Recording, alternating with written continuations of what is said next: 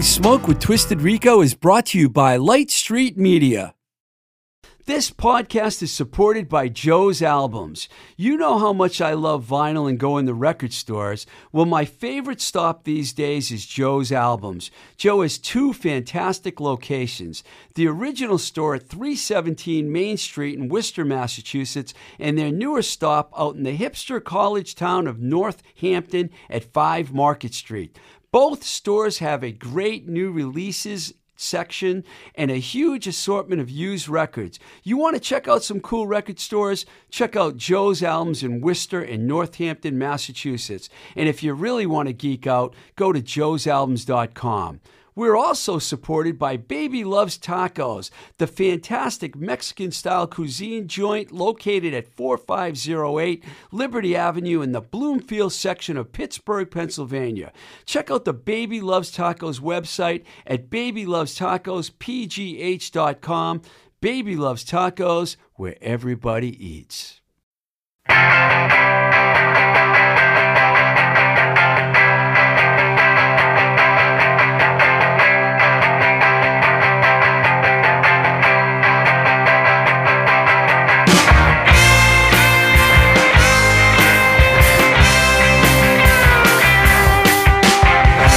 Scraping by on the hope of redemption. Keep looking for new directions home. Or where we gonna come home? Shout at a wall, it doesn't answer back. Take a trip, it doesn't bring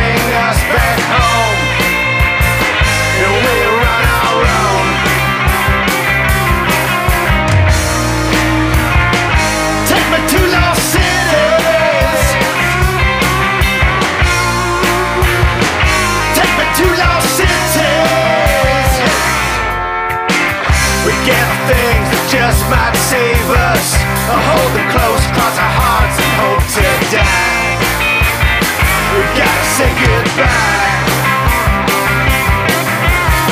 Sometimes I'm feeling like we just can't make it. Or we despair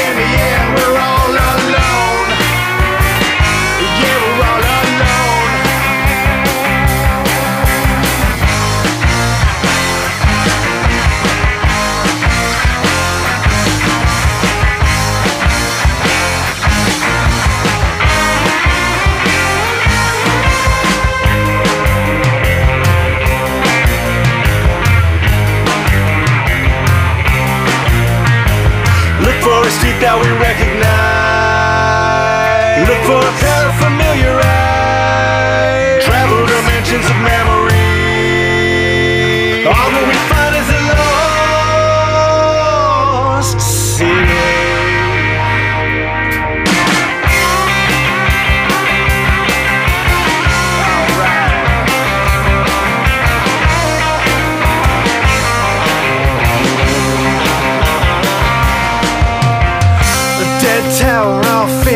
Distance. Can it be that we're looking for a chance to get safe inside? We make signs, got our bases covered. The symbols are all the same anyway these days. The city slips our way.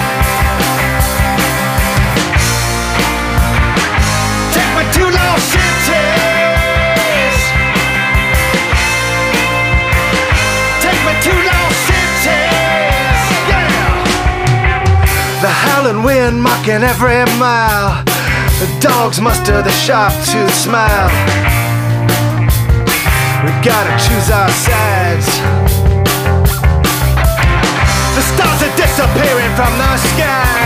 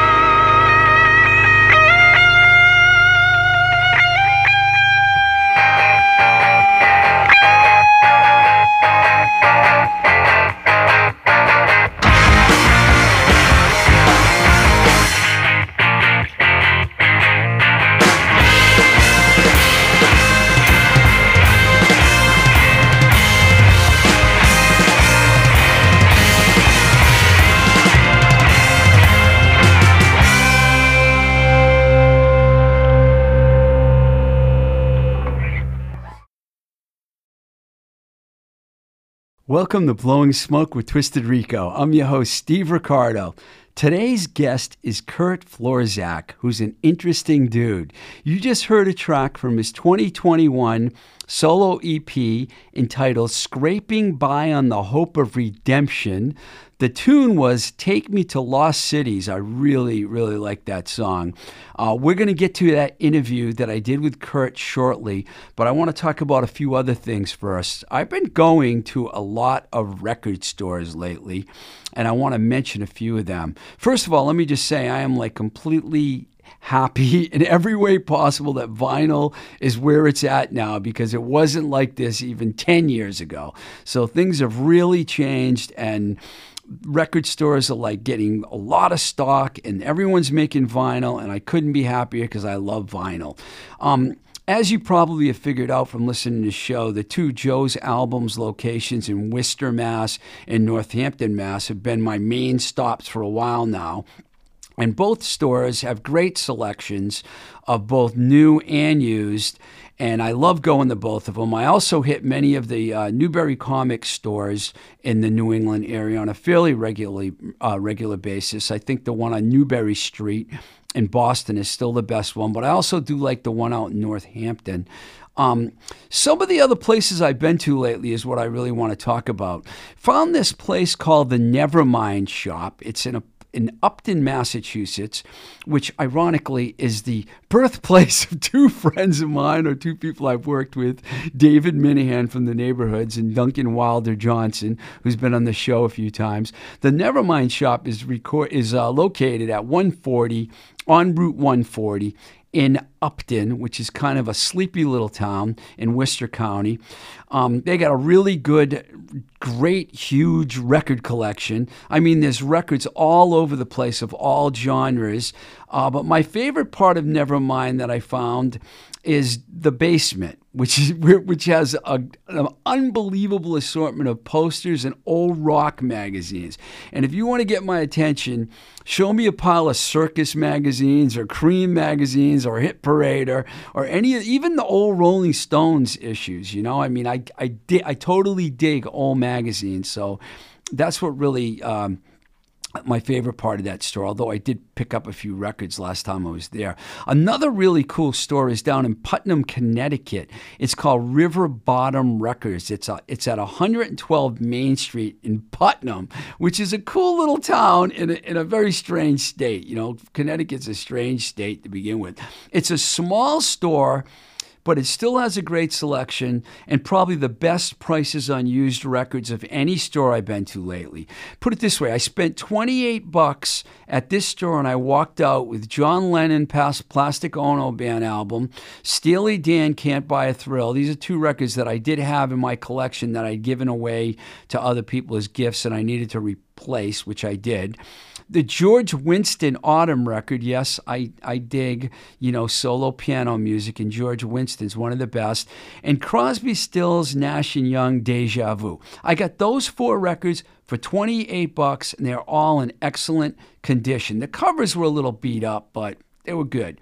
My friend that was with me landed the Badfinger Straight Up album in decent condition for $35. Now, if you go online and try and find that, it's a lot more than $35. So I thought that was an excellent deal that she got, and I'm glad she bought it. Next time I go there, I plan to bring much more cash with me because there's a lot of good stuff there.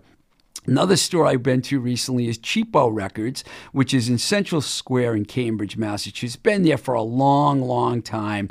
They have a great selection of highly priced records. And when I say highly priced, I mean stuff that's hard to find other than on Discogs, and it's pricey. Like you can find records there for like three, four hundred bucks. Uh, they have a ton of good used and other cool stuff, and they have a lot of T-shirts. And most of their T-shirts are only twenty bucks. The place does tend to get really crowded crowded. So in these these these times where you don't like to be around a lot of people, keep in mind when you want when you're going to go there because it might be really crowded, and that's the one downside about the place. One record store that I have not been to yet, but it's on my list, is Stereo Jacks, which is located on, at 736 Broadway in Somerville, Mass. I've been on their Instagram page a lot uh, but I haven't made it there. But I plan on stopping there real soon. So um, I just wanted to talk about record stores for a minute because I'm so happy that vinyl is back to where it's at, where it belongs on the top of everyone's list. All right, so Kurt Florzak has been at it since the early 90s. He was in an LA band that was quite po- popular called B Movie Rats. I actually met him when he was in Greg Allen's Fringe Religion. He's also played in the high end, the Moschines, which are very popular in Europe. And these days, he has a great new band that he just joined called Hammered Saint. They're a new band. Uh, we're going to get into all of that. And please forgive me. I have to ask for your forgiveness ahead of time here. I made a huge mistake during the interview, which I can't edit out. I forgot who filled in for a couple of bands that canceled at the Middle East in Cambridge the other night. And I couldn't remember who it was. And they were great. I don't know why, because I even talked to John Powhida of John Powhida International Airport, but I had this like blank I, I, had a moment of blankness in my head and i couldn't remember. And it's during the interview. So i, I experienced some complete memory loss. And my apologies mr powhida powhida you guys were great great. Okay what do you say we listen to my conversation with kurt the guitar doctor florzak? Well hello there kurt. Hey hey steve. How are you? Good morning man Good. Uh, I want to get into Hammered Saint because I know there's a big buzz going on on that on the new band right now around town. But I, before we do that, I was hoping we could go back in the past here a little bit. Perfect. Because you got a really good history. Um, so you, I know you grew up on the West Coast. I think mm-hmm. it was L.A. Whereabouts did you grow up? I grew up in the San Gabriel Valley, a little town out there called Duarte. It's uh, about 15 minutes east of Pasadena in the foothills the other valley. Uh, you know, I was yeah. tell people, well, I grew up in San Gabriel Valley, like, oh yeah, yeah, uh, you know, the valley. I'm like, no, no, it's the other valley, the valley you never heard of. Yeah, I lived, nobody talks about. I lived in the San Fernando Valley myself. Okay, so, cool. Yeah, where were you out there? Uh, well, I first went to when I first went to LA. I got there in '84, but I was living in the South Bay because I worked okay. for Enigma Records, and we were located down in Torrance. Yep. So I was living in Hermosa, oh, and yeah, then cool. then um, when I moved back to LA the second time, I lived in the Studio City, mm-hmm. and then in and then I went to Marina Del Rey, and then I went to Encino. So I went back and forth from the beach to the valley and Santa yeah. Monica too. So That's I cool. moved a lot. You know, I never owned yeah. out there. I rented. So, but I love I love LA, man. Yeah, I, I, always have. It's cool. I'm I'm you know, it's uh, it's bittersweet for me in a way. You know, I still have family out there, but uh, and I go out there from time to time. But I, I'm, you know, there's not a lot of reasons for me to go out there. I have some good friends out there, but uh, I don't miss it very much. You know, you don't miss it. not not so much, man. I've I've uh, my wife and I've really grown to love uh, love Boston and and being back here. You know, so I always tell people my two favorite cities are Boston and LA. So I mean, I, I lived, yeah. you know, I lived in New York City too, which is pretty yeah. good too. But they're pretty polar so, opposites of yeah, you know? yeah. But it's a it's good that you know if I could have a house here and a house there, that'd be perfect scenario. Yeah, I might take it for granted that I have people out there because I can go out there pretty easily, you know. So I'm just like, yeah, I can go out there. But anyway. did you did you grow up in a musical family? And and uh, if not, when did you start listening to music?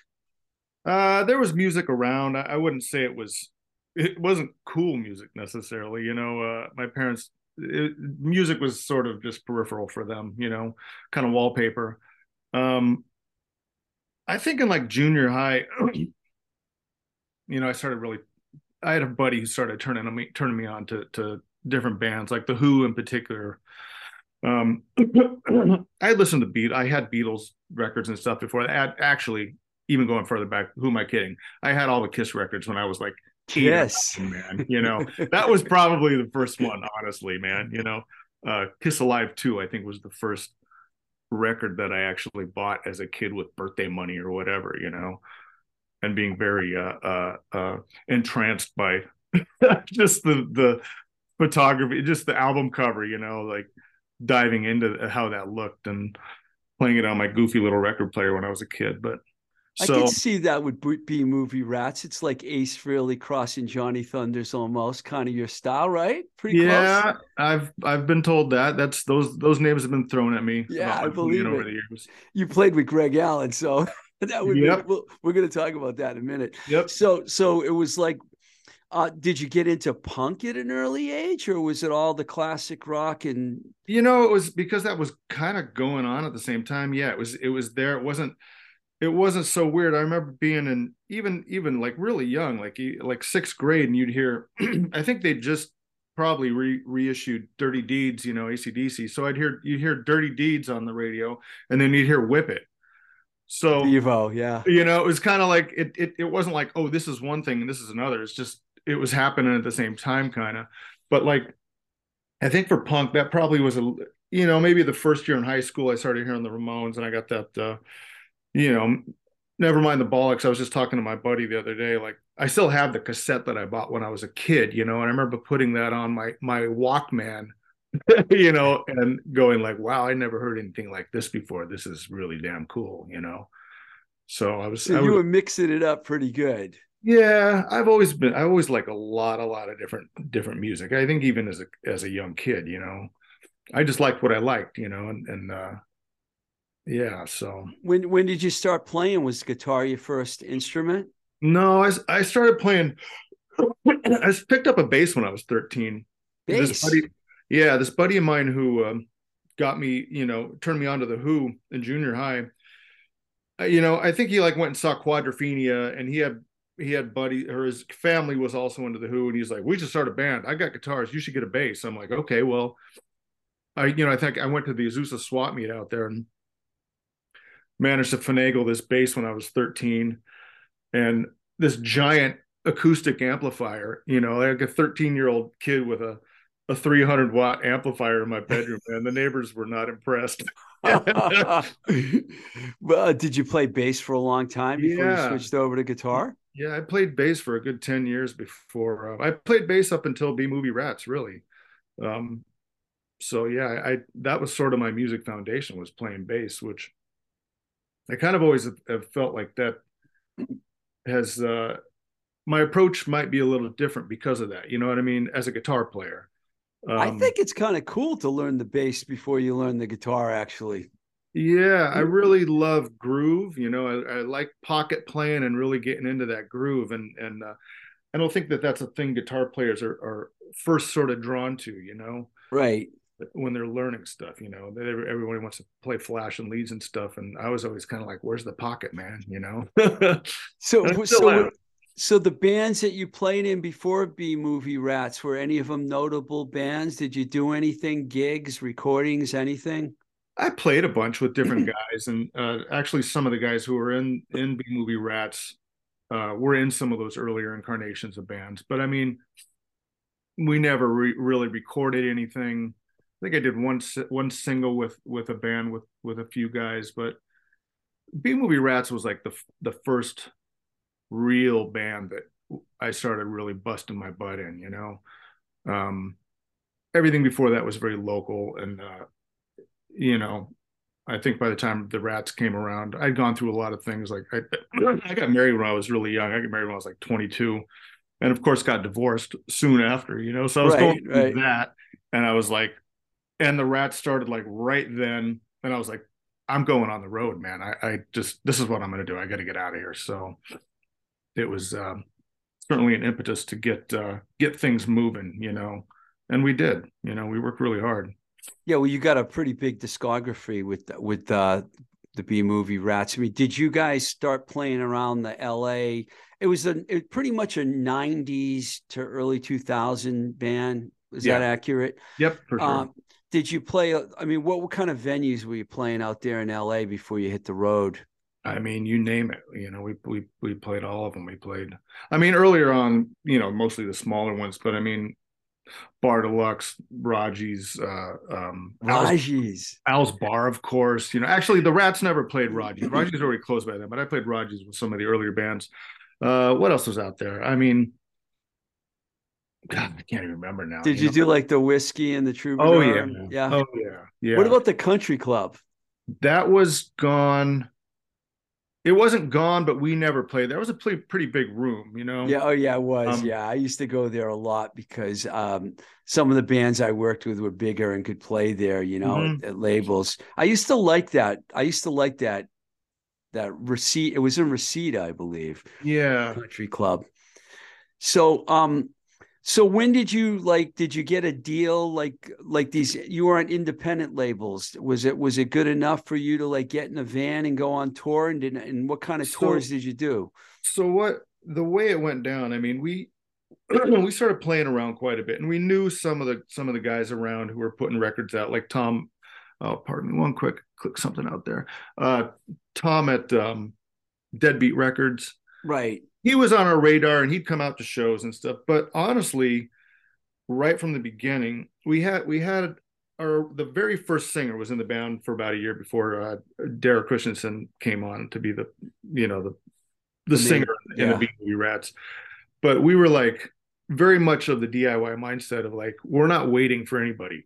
and this was the day when you didn't have to wait a year to put a seven inch out. A seven inch was a viable thing that bands could put out pretty easily. You know, it wasn't a ton of money, and you could, you know, you could put a, a record out in a couple months. It, it, wasn't this what it is now, where it's like, oh, you're on a maybe in a year you'll have your vinyl. So we just decided to put out. We put out a four song EP like in '96, I think. Soul fucker, right? That's right. Yeah, that kind of put you guys on the map early on. Well, it it opened some doors for us because we we were just like okay we've got this record let's go on the road knowing nothing. I mean we just started cold calling people and um, made it out to texas. And that's where we met uh, mike mariconda in austin playing with the sons of hercules down there. And that uh, that really kind of formed a you know mike's still a, a great friend of mine to this day. And i, I, I um, it it opened a lot of doors for us, you know, because he'd been working with Crypt. He was in he was in the Raunch Hands, and uh, he was kind of a hero to us even when we met him, you know, it was like, oh, Mike Mariconda's here. I'm like, wow, really? You know, it was it was kind of neat. Um, and by the time, so we put out that record. I think we got back. We still didn't have anything, a, a, a you know, a deal with any labels. I think we put out one other single on our own. And I remember sitting in, in the kitchen of my apartment with my my, you know, the bass player Billy and the Rats and uh, Bill Graves. Like, Bill Graves, yeah. Uh, like, damn, what are we gonna do, man? Like, we're just gonna put out another thing on our own, you know? And we're like, yeah, let's do it. And literally that night, Tommy Deadbeat gave it gave us a call. Tom Spencer, hey, I want to work with you guys and let's do some stuff. So nice. I kind of kicked that off. So there was a there was a a point over like six months where we're just like we had like three three or four different seven inches coming out at the same time almost, you know, which gave us some some some stuff to work with and got us some some re, you know reviews in uh, Flipside and Maximum Rock and Roll and a lot of the the older zines that were around. You know, back when there were zines. You know. Yeah, I like all those ma- all those magazines. Uh, I know on one of the singles you guys covered "Rock and Roll Queen," one of my favorite songs, uh, yep. "Mott the Hoople," yep. which seems to be more popular now than it ever was because I've seen it in a couple TV shows on Netflix right? and stuff. Yeah, and I was like, ah. "Rock and Roll Queen." It's such a it was, great, such a know, great riff, man. I got to meet Ian Hunter a couple times. He's one Did of you? my idols, so you know. Yeah, man. I always catch when someone's doing something with the with Mott or something. Yeah, man. Yeah. No, so you, big fan. Yeah, so you guys you guys had a couple records, but then they were reissued later with the with the singles on them. Is that what happened? Because I see four albums, but two of them were actually studio albums, right? Yeah, I'm trying to even think. Well, there were there were there were there was the Deadbeat LP, there was a Junk LP, there was a live LP that that uh, Jim live before put out, which is kind of a weird thing, but it did come out. Um, and then there was a this weird comp that came out on uh, 20 Stone Blatt was the English label that was kind of a hodgepodge of, of our stuff. It wasn't necessarily a singles thing, and it was it was a weird situation. But uh, but yeah, that did come out. That was never to us. It wasn't an official release. It was kind of just put out in the UK and gave us a reason to get over there. You know. Oh, so you uh, toured the UK with B with B movie rats. We did a few shows in the UK. We we did way more in Europe. You know, I think I've played, you know, four times total in in London, in England. You know, Nice. versus Europe, where you know we toured our asses off in Europe, man. Uh, England Really? kind of weird to get into. You know, um, yeah, we we had some good shows in in London uh, with Texas Terri. I don't know if you remember Texas. Oh Terri. yeah, of course. Yep. She still makes appearances every now and then. She's still she's still around, right? she's in Berlin. She's been in Berlin for a long time. Yeah, I see her name come up every now and then. I think she may have been in LA not too long ago because a bunch of younger rock women were in a photo with her that I saw from not Yep. too long ago because she's idolized by a lot of the younger women. Yeah, as as should be. I mean, she was. Yeah. you know she's fantastic you know the the rats did it we did a i we played with terri so many times i mean in la and i can't remember if we ever met them on the road anywhere in the states probably you know because in the 90s everybody was on the road man and you would just pull into different towns be like oh cool we're playing with with these guys tonight you know like friends of ours from wherever but i think the last time I saw Terri was pro- Texas Terri was probably in Spain because we did a bunch of shows in Spain with them, and um, no, actually the last one was in London. We'd done those shows in Spain, and right, and the last show was in in London at the uh, uh, Underground in Camden, um, and that was 2002. So so there you go. I'm sure that you and I were on the same on the Sunset Strip or somewhere at the same time because I was at Probably. and M Records in the '90s on Sunset and La Brea. So I was like, I'm sure. I don't think I ever saw B movie Rats. I knew about the band, but for some reason I never caught you guys. Yep. Probably just timing or work or whatever. Um, when was it that you decided that it was time to move away from LA and move to Boston? What what inspired you to do that? Well, the so the B movie Rats split up in in 2002 after our last European tour, and uh, I started doing some guitar repair work. I started learning guitar repair and and, and doing that with uh, my buddy Mike DeTemple out in California, out in LA, uh, out in uh, where the hell is he? Sherman Oaks. Sherman Oaks. Know it well. Pardon me. And uh, I don't know. My wife Annette and I we started looking around. We wanted to try to buy a place, and it was getting more and more difficult in LA, anywhere, even back then. And I got it in my head that I wanted to go to school, or I, I was kicking around, you know, like, oh, I never went to college. You know, I wonder what that would be like. You know, I was probably I was 35, I think, at the time, and I'd been a, you know, I'd worked in the film industry for a long time, doing as a fabricator, you know, work with my hands. So I was like, oh, it might be kind of cool to go to school and like maybe learn how to play the guitar for real or you know, study music, you know. Uh, so I, my wife was like, you should apply to Berklee, like see what happens, you know. I didn't know you went to Berklee. Wow. Yeah, so, so I did, and I applied, and they they gave me some some money to come back here, and uh, you know, we didn't we didn't move back here with the intention necessarily to stay, but um, we did we we came back and kind of fell in love with it. We, not kind of, we did fell in love with uh, Boston. So where, where did you end up getting a place? we started in, in we were in Brookline, but now we've been in in Roslindale now for Roslindale. Yeah, for a good well since we moved out here in 05, so we've been here since oh, 06, I mean 07, yeah.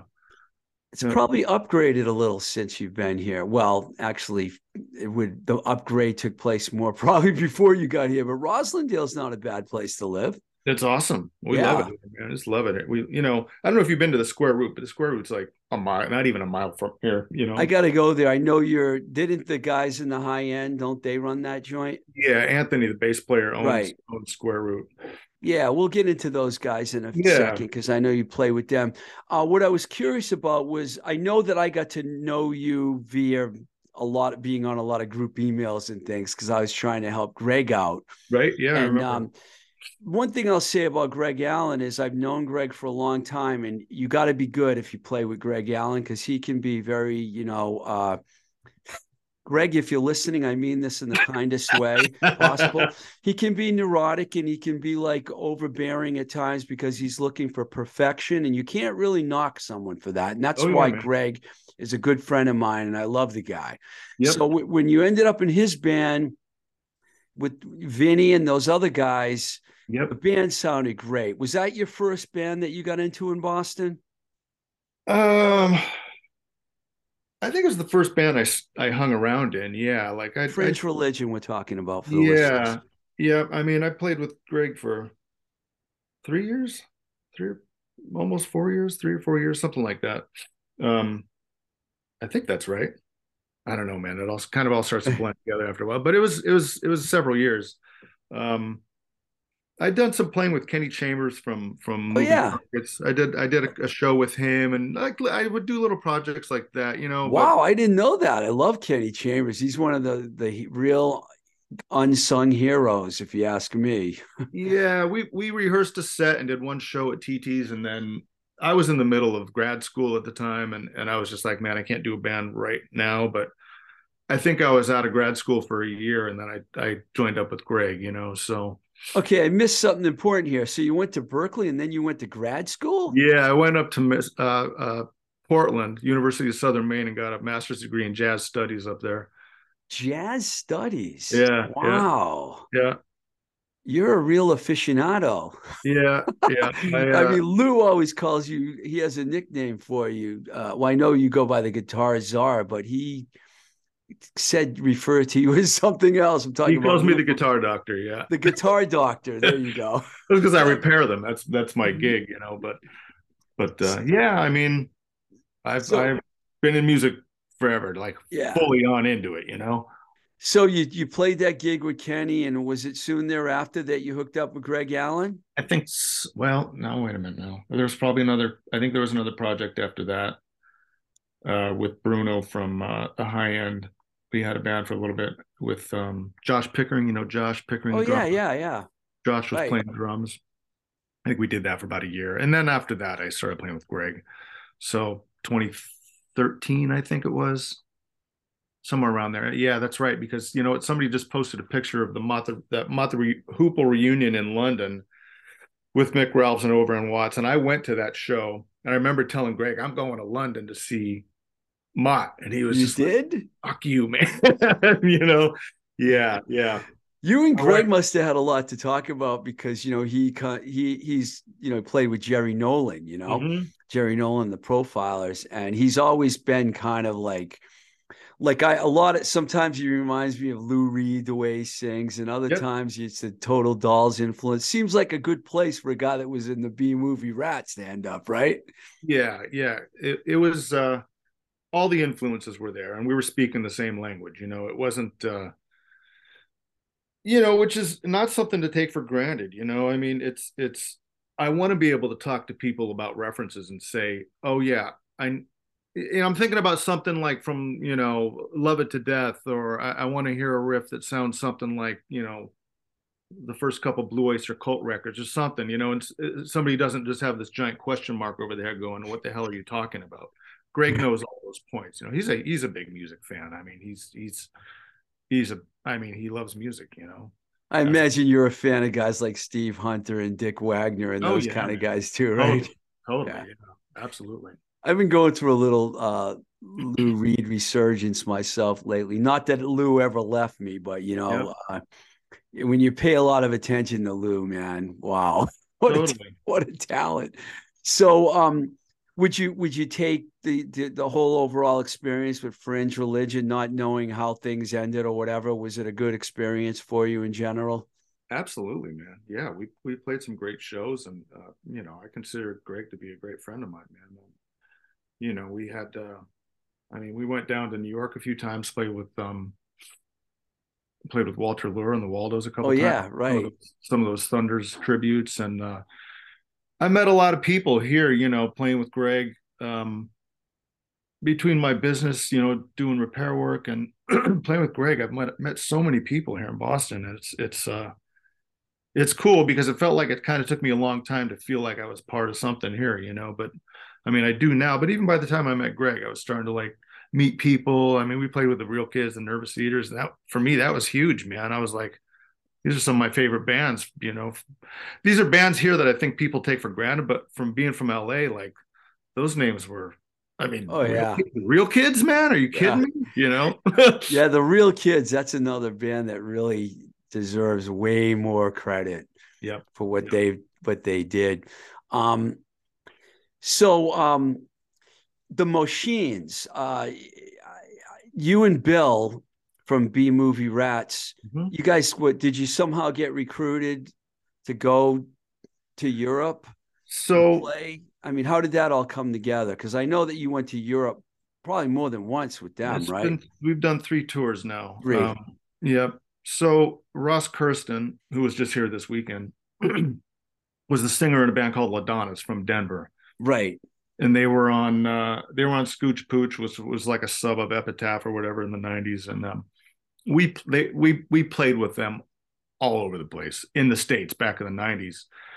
And uh by the you know 2000s, early 2000s, or whatever. I kind of lost touch with Rossi, but he moved to South Africa. Oh, he's in Europe, and then he moved to South Africa, and we touched base online here and there. But at one point, he was like, he started touring with the band Machines in Europe for quite a while. I mean, they did a number of tours, and then he didn't do anything for a while, and then out of the blue, it's kind of like, hey, would you be interested in coming to Europe? You know, and and and doing this, and I was like, well, well, hell yeah, I would. You know, I hadn't been on the road in 15 years or something, you know. And uh, what was funny though is I had I'd kind of said, yeah, you know, I need to know what the money situation is a little bit first though. And so he took it like I wasn't interested. And then he had recruited Billy, who I'd done every tour in my life with, who was living in uh he he lives in um uh, Cyprus, you know, in, in Oh, the he Mediterranean. does. Wow. Yeah, everyone is from all over, man. And I get a th- I get a text from him from Billy. Hey, I'm going on road with with Ross and the Machines, man. And I'm like, the fuck, man. Like, I why I want to go, you know. So I, I called up Ross. I'm like, I'm going, man. What are you talking about? Billy's going, but I'm not going. So we did, and we had um Tom Cook, who was the drummer in the Magnolias. Uh, playing Okay.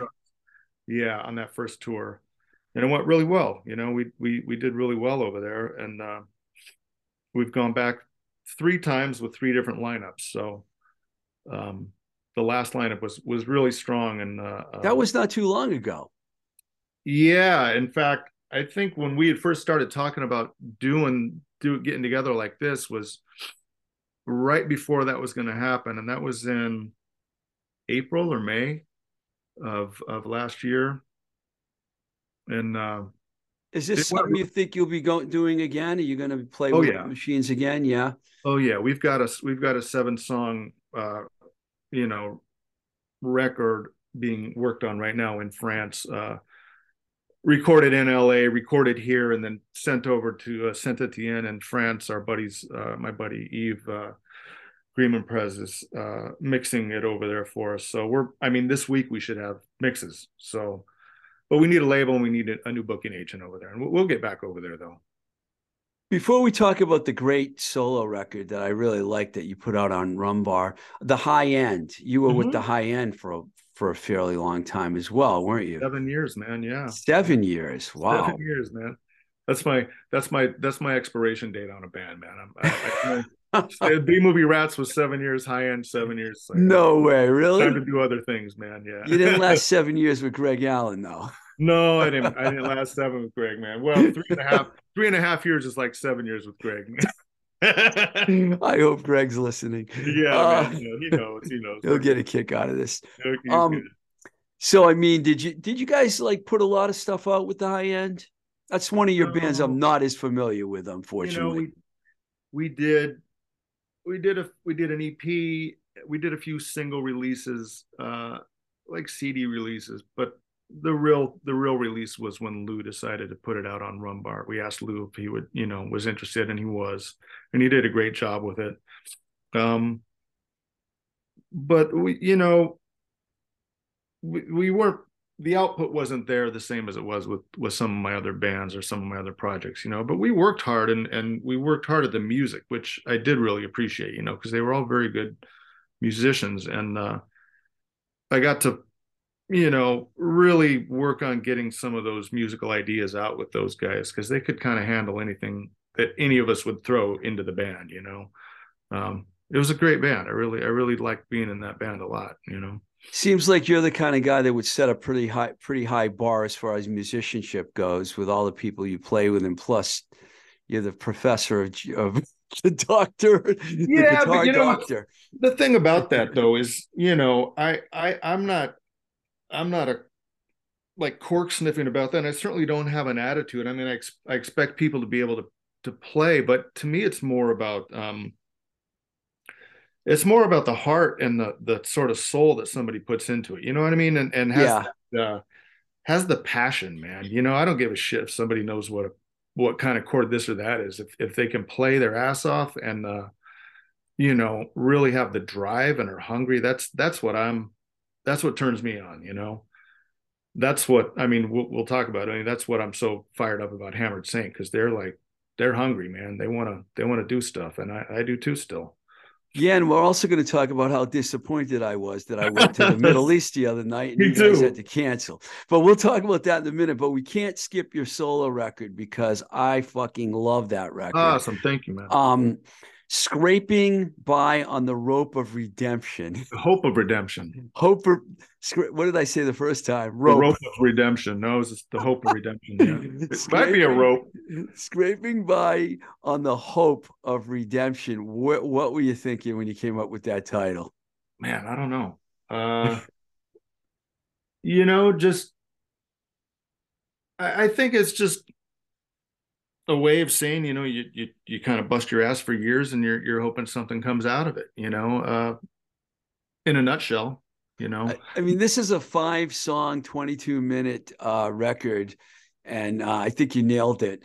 Um, I really like the riff in Blood Gumbo. That's a very dark song. Uh, the song I got to talk to you about, though, and I, I think you guys ended up picking this as the single, is Take Me to Lost Cities. Hmm. It's like another guitar driven, heavy guitar driven rack. It's definitely my favorite.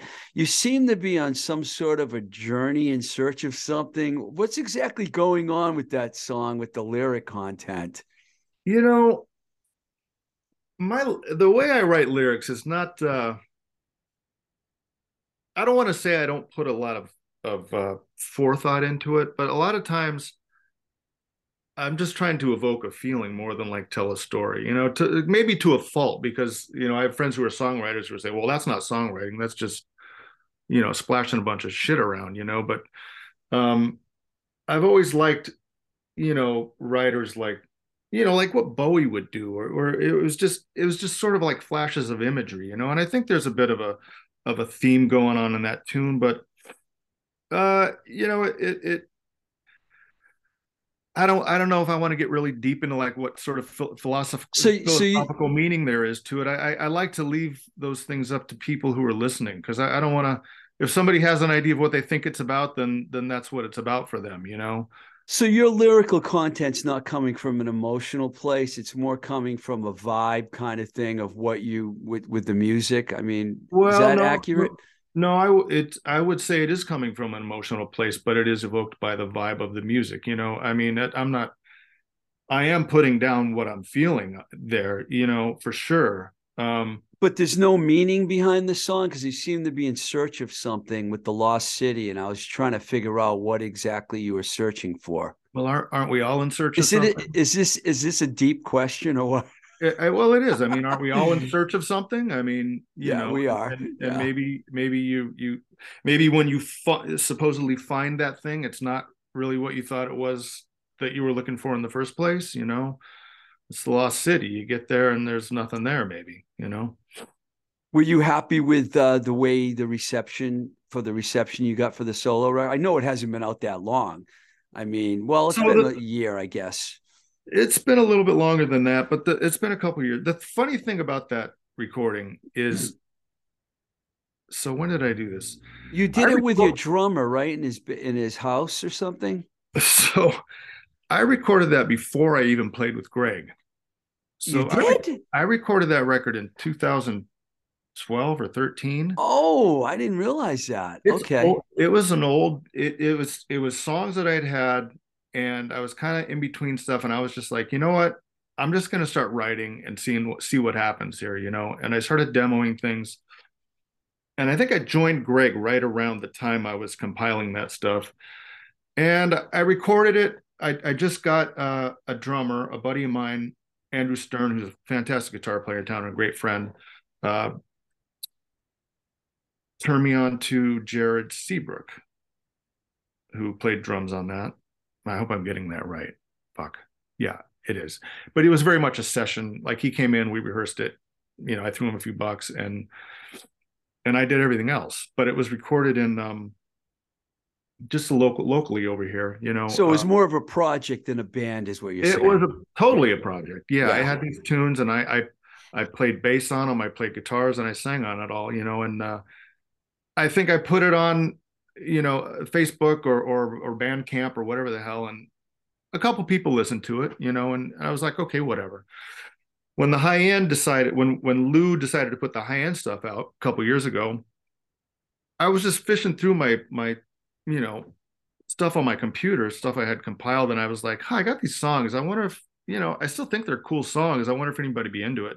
And I just sent them to Lou, like, "Lou, what do you think of this? Like, do you want to do anything with this, or should I just like can it?" He was like, "No, I love it, man. Let's let's let's put it out." You know, nice. uh, and he did.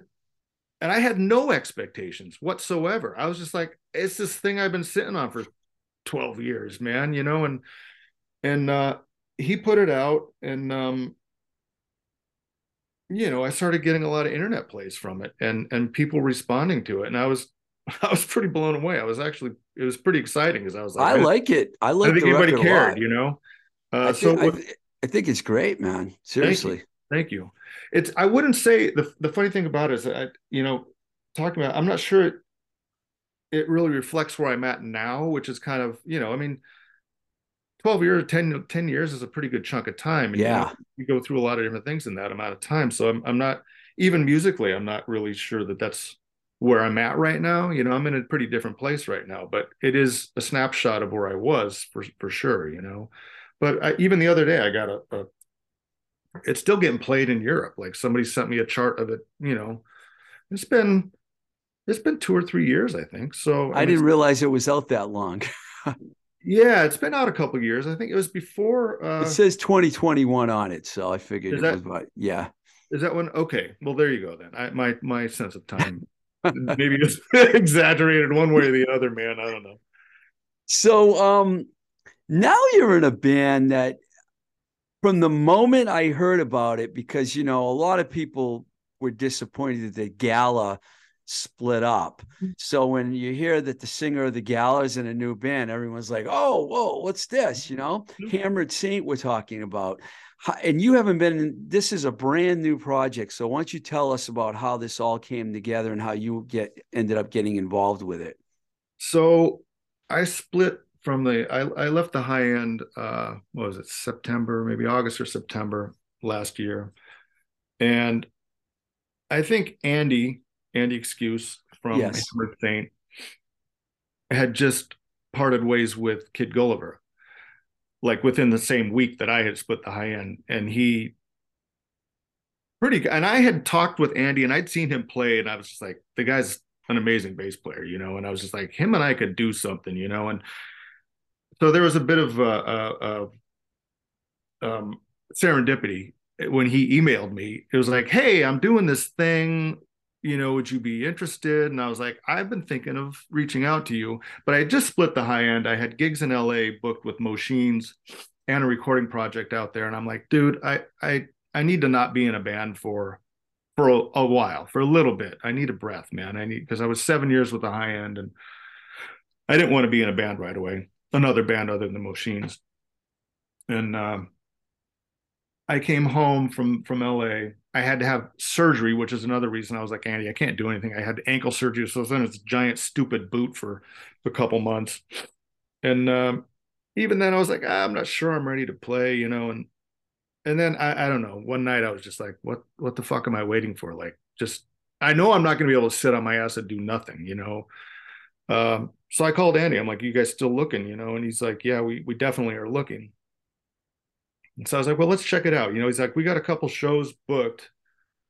Would you commit to them? I'm like, yeah. I mean, I'll I'll I'll do the shows. Let's let's approach this like um, I'm agreeing to do a couple shows, and we'll see how we all Right. jibe on stage. You know, I mean, that was more important to me almost than what was going to go on in the rehearsal studio. I was, I was like, I want to see how we do live, you know, and uh, we rehearsed for maybe a month or so and, and got the tunes together, which was a lot of covers and and a few uh, um, originals, and did that first show at the Midway, and it was fantastic, man. We had a lot of great response. Uh, I had a blast. They were rocking on stage. Emily and I, I think, like really hit it off on stage. We had sort of a like right away we were playing off of each other, and it felt natural. You know, it felt really cool and uh, she's a great front person. Yeah, without a doubt. She, she is, and she's into it. You know, unpredictable too. You know, she's into the music and the art aspect of it. You know, she she's um, she's the real deal. You know, she. Um, I hadn't really known her before. I, we spoke a few times, but you know, just getting to know her over the past couple months, I really appreciate all of them. Uh, you know, Andy and and Mark Annette as well. Like they're all they're all driven to do I, stuff. I used to see Andy a lot when he was in the Black Mosettes. Yeah. Which was a band probably around 2009 or mm-hmm. 10. Mm-hmm. And before I moved away, uh, I was li- I've been I move a lot, going back and forth to different states. But uh, before I moved, I saw them a lot, and they were really good. And he he is a great bass player. Yeah. So you know, I went to see you guys on Friday night at the Middle East, but you weren't there. Yep. Saturday night. It was Saturday, Saturday night. But yeah. you know, uh, ne- neither was Tiger Bomb. But you know what? For anyone that was there, and I know this doesn't really relate to you, but it kind of does. It was a great night because bet, um, Freeloader was excellent, and then um, um, oh my god, I'm losing my my train of thought here. Mark Mark Bell was was spinning tunes. Oh yeah, Mark was there, you know, and then um, Oh, I, I know I, I hate when this happens when I totally forget and I see the the band and the guy's face in front of me and I can't remember who the band was. But they came in at the last minute and filled in. It was really it was oh, like really so they good. got another band. Yes, they did. And um I wish there was a way. Uh, I don't know. Tiana, who, help me out. I haven't heard who did that. Yeah, I was curious. glad that uh, I'm glad that happened, man, because I felt bad about you know, we all felt bad. Yeah, the we show the show went on. Good the show went on, and um, um, I'll think of it. But anyway, so what are your plans with Armored Saint? Armored Saint. Armored Saint. I knew I was going to do that. I knew somebody I was going to do that. Somebody yeah, else. There's a, there's a, metal band called Armored Saint. Yeah, Tony just, Savarino sent me a message the other day, like, "So how is the gig with Armored Saint going?" Well, I'll, I'll tell you when I'm on tour with them next time, you know, in Germany or wherever they're playing. oh, yeah, that's funny. But um, so you guys are probably, you know, I saw some videos online. It's like seems like it's going to be like old school, you know, punk kind of sounding. Is that it is? You...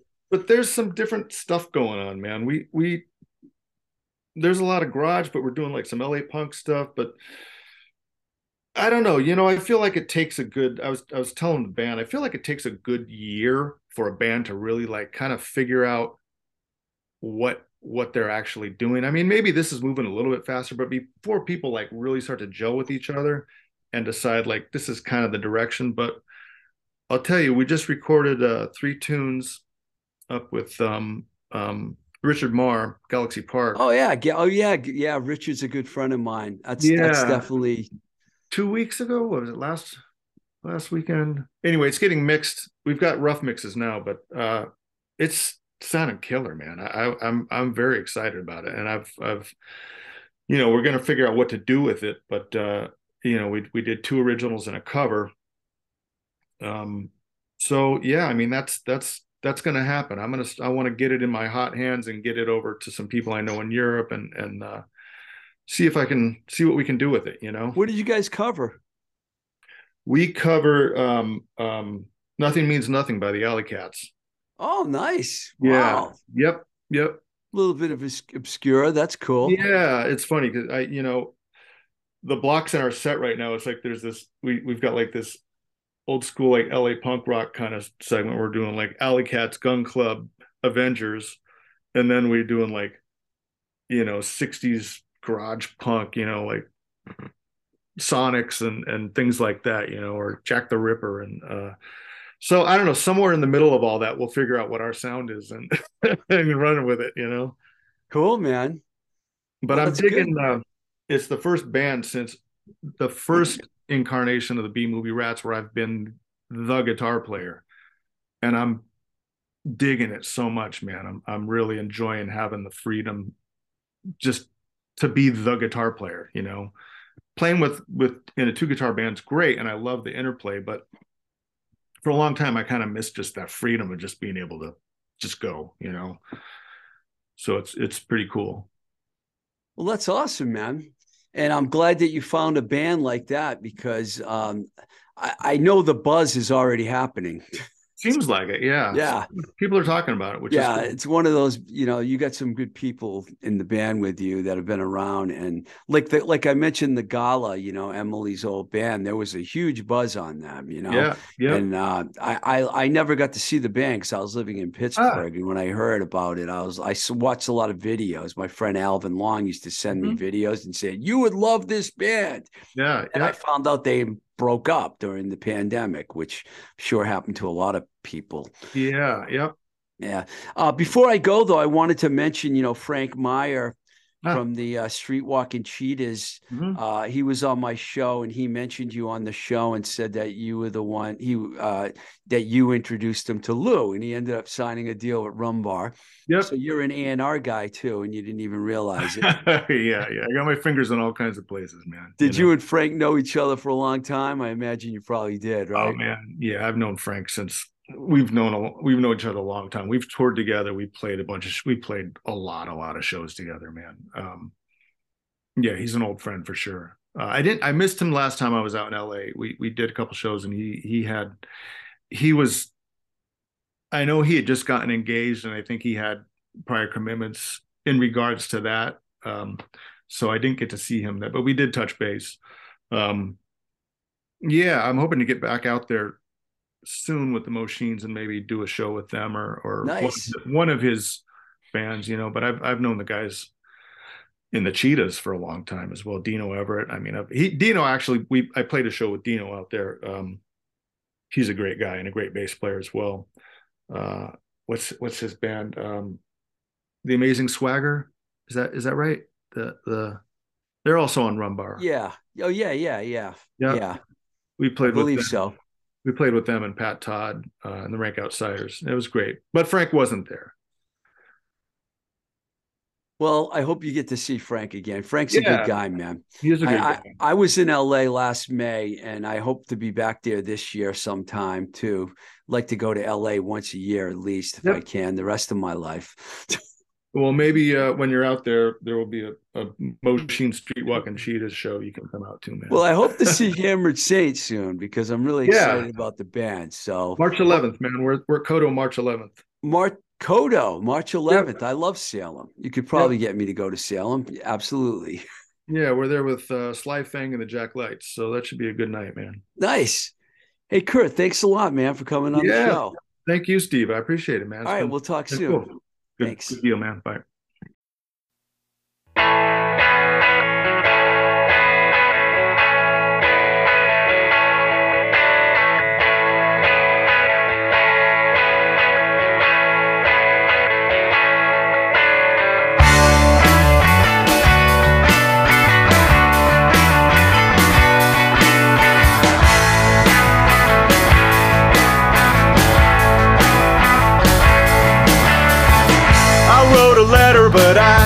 I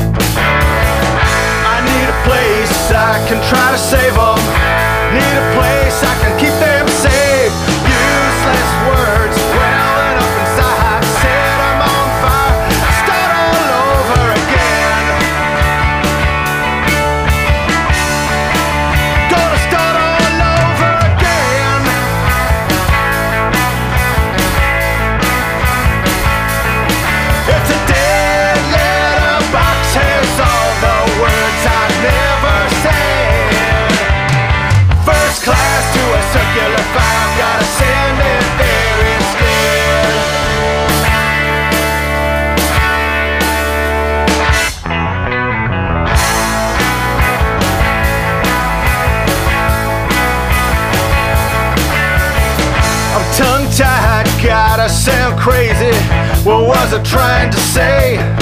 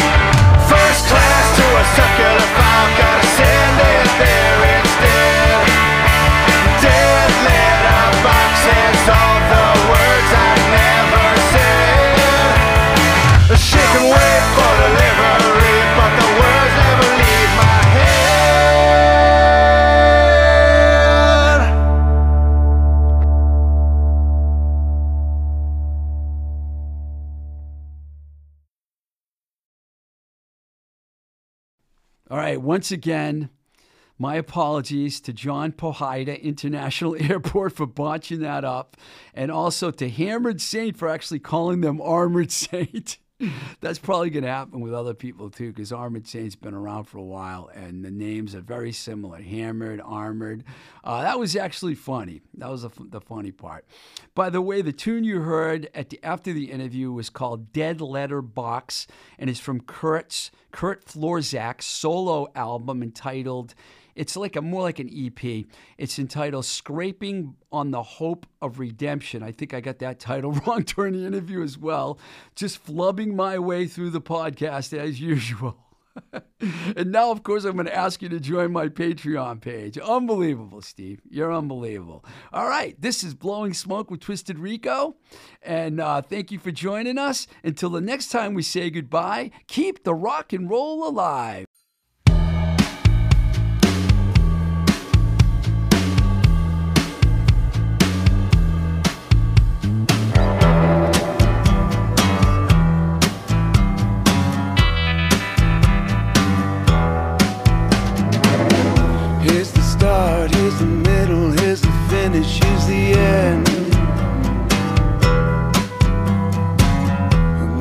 Mother, goes the father, goes the wife, stays the friend. Got a bunch of cigarette burns in the back of my head. Bunch of cigarette burns in the words I've said. If I die tonight, hold the hand inside and know that I was never meant for normal.